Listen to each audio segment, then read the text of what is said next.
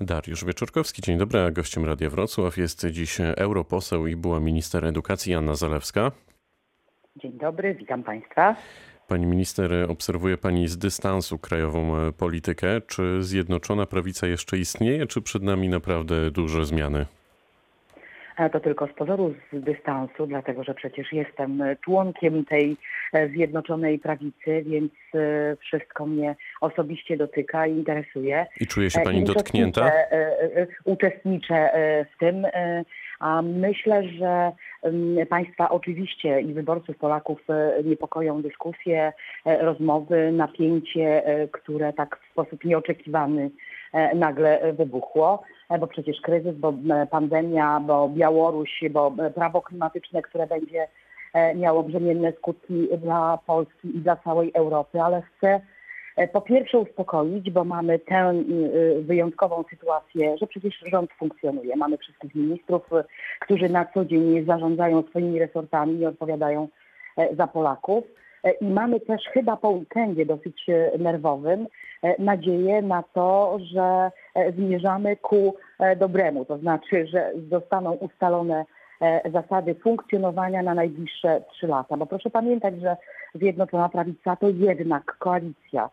No dobrze, dobrze, pani minister. Tym trzeba na nowy czas po wszystkich możliwych wyborach dogadać się, jak sprawnie Dziś funkcjonować, za... jak sprawnie zarządzać państwem. Dziś za niespełna 5 godzin zebranie, spotkanie władz Prawa i Sprawiedliwości, więc pewnie będziemy wiedzieć coś więcej. A czy pani zdaniem, w pani ocenie minister sprawiedliwości prokurator generalny Ziobro, Zbigniew Ziobro zdradził Prawo i Sprawiedliwość? Absolutnie nie. No jesteśmy e, w Zjednoczonej e, Prawicy, mamy ten sam e, kręgosłup, tę samą podstawę. Jeżeli chodzi o Solidarną Polskę, zawsze podkreślali swoją odrębność, ale właśnie o to chodzi w koalicji, żeby reprezentować jak najszerszą grupę wyborców. No ale przed weekendem to tak nie wyglądało, to tak nie brzmiało. Mm, to po prostu emocje i one są też zrozumiałe w polityce. E, trzeba umieć te emocje e, przetrzymać, e, właśnie patrzeć na nie z dystansem i uznawać, że to, co czasami wygląda niepokojąco, wcale takie nie jest i że zmierza tu, to ku dobremu. A ile prawdy może być w tym, o czym mówią niektórzy publicyści, niektóre media, że minister Zbigniew Ziobro ma haki na ludzi z Prawa i Sprawiedliwości i w związku z tym no, trzeba tutaj dojść do porozumienia?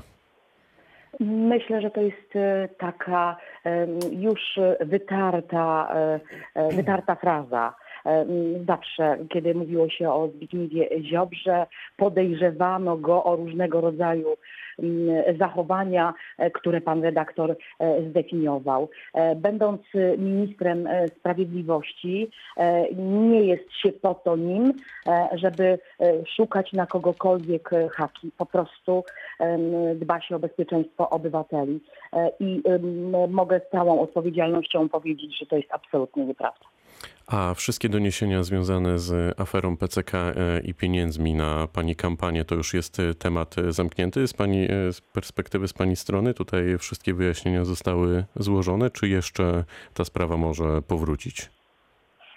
Panie redaktorze, ja z ubolewaniem odpowiadam na tego rodzaju pytania, właściwie już prawie czwarty rok, dlatego że takich pytań nie zadaje się osobom E, no, z obozu e, Koalicji Obywatelskiej, które mają wprost My w Radiu Wrocław, e, zarzuty. pani minister, zadajemy wszystkie pytania. Tak, tak, tylko ja kilkakrotnie odpowiadałam na tego rodzaju pytania. Setki razy składałam oświadczenia i Państwo dobrze wiedzą, że ze sprawą nie mam absolutnie Czyli rozumiem, że, że z Pani Jak perspektywy ten temat jest zamknięty. Wiedzą, to nie jest z mojej perspektywy, bo ja to ogromnie e, e, przeżywałam, bo to były insynuacje, nagonka e, trzyletnia, którą musiałam znieść jako minister e, edukacji. Podważany był mój e, autorytet e, osoby, która odpowiadała za reformę edukacji. I za każdym razem i od początku podkreślałam, że nie mam z tą sprawą nic wspólnego. Jak pan redaktor dobrze wie i państwo, Zdaje się, że sprawa prokuratorska jest e, zamknięta. e, są oskarżenia, są osoby e, oskarżone, e, które będą bronić się i będą udowadniać swoją niewinność, a sąd ich winę. Niebawem, czy już to się dzieje. To rzeczywiście niesamowite, jak przez prawie cztery lata można opowiadać nieprawdziwą historię. Ja bardzo często czułam się jak w sytuacji e, kawkowskiej. To zapytam, no e, właśnie, to zapytam. Z sprawą nie miałam nic e, wspólnego, a ciągle na ten temat. To zapytam inaczej. Czy, czy w takim razie, kończąc już absolutnie ten wątek, czuła się pani, mówiąc kolokwialnie, grillowana przez te lata? To mało powiedziane, grillowana. Ja e, bardzo często czułam się e, zaszczuta. E, proszę zauważyć, że większość insynuacyjnych tekstów była ze znakiem zapytania. Tam się zadawało pytania. W związku z tym nawet nie miałam możliwości bronić się przed sądem, dlatego że to przecież były dziennikarskie pytania. Mam to już za sobą, choć rzeczywiście mm, jeszcze dopytywanie po wielokrotnych moich e, oświadczeniach e, e, sprawia, że no, przypominają mi się te trudne lata. Ja nie przypominam sobie, żeby na przykład członkowie Platformy Obywatelskiej, którzy mają zdjęcia z Arturem W., słynnym burmistrzem, który w Biały Dzień wziął 200 tysięcy e, łapówki, żeby pod ich domami e, stały billboardy z informacjami na ten temat i z insynuacjami, że oni mają coś z tym wspólnego. A ja to właśnie przeżyłam i nikt nigdy nie powiedział przepraszam. No to pani minister, spójrzmy w przyszłość. Wydaje się, że jak tutaj dojdzie do porozumienia na linii waszych koalicjantów, dojdzie w końcu do oczekiwanej rekonstrukcji rządów. Jak pani patrzy na to e, właśnie, jakie nazwiska są wymieniane w tej chwili i jakie plany są związane z łączeniem chociażby resortów, e, to jakich pani by zmian najbardziej oczekiwała w rządzie? To są decyzje kierownictwa e, partii i e, Zjednoczonej e, Prawicy. To oni decydują, to oni ustalają. Ja bezwzględnie ufam tym decyzjom i zawsze takie decyzje zapadają po pierwsze po to, żeby sprawnie funkcjonował rząd, bo przecież mamy no, przyszłość niepewną e, i e, musimy tę pewność zapewnić obywatelom, a po drugie, żeby wzajemnie ze sobą współpracowano w rządzie. W związku z tym personalia rzeczywiście są tutaj istotne.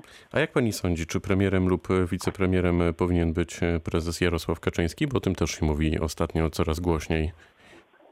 Mówi się, rzeczywiście padają takie informacje i to nie jest tajemnicą E, Prawa i Sprawiedliwości, czy e, też tajemnicą e, w ogóle, że członkowie Prawa i Sprawiedliwości bardzo często zachęcają prezesa Jarosława Kaczyńskiego, żeby podjął taką decyzję. On jest liderem naszego ugrupowania i wtedy, kiedy są ciężkie czasy, pojawiają się właśnie tego rodzaju pomysły, ale to decyzja prezesa Jarosława Kaczyńskiego.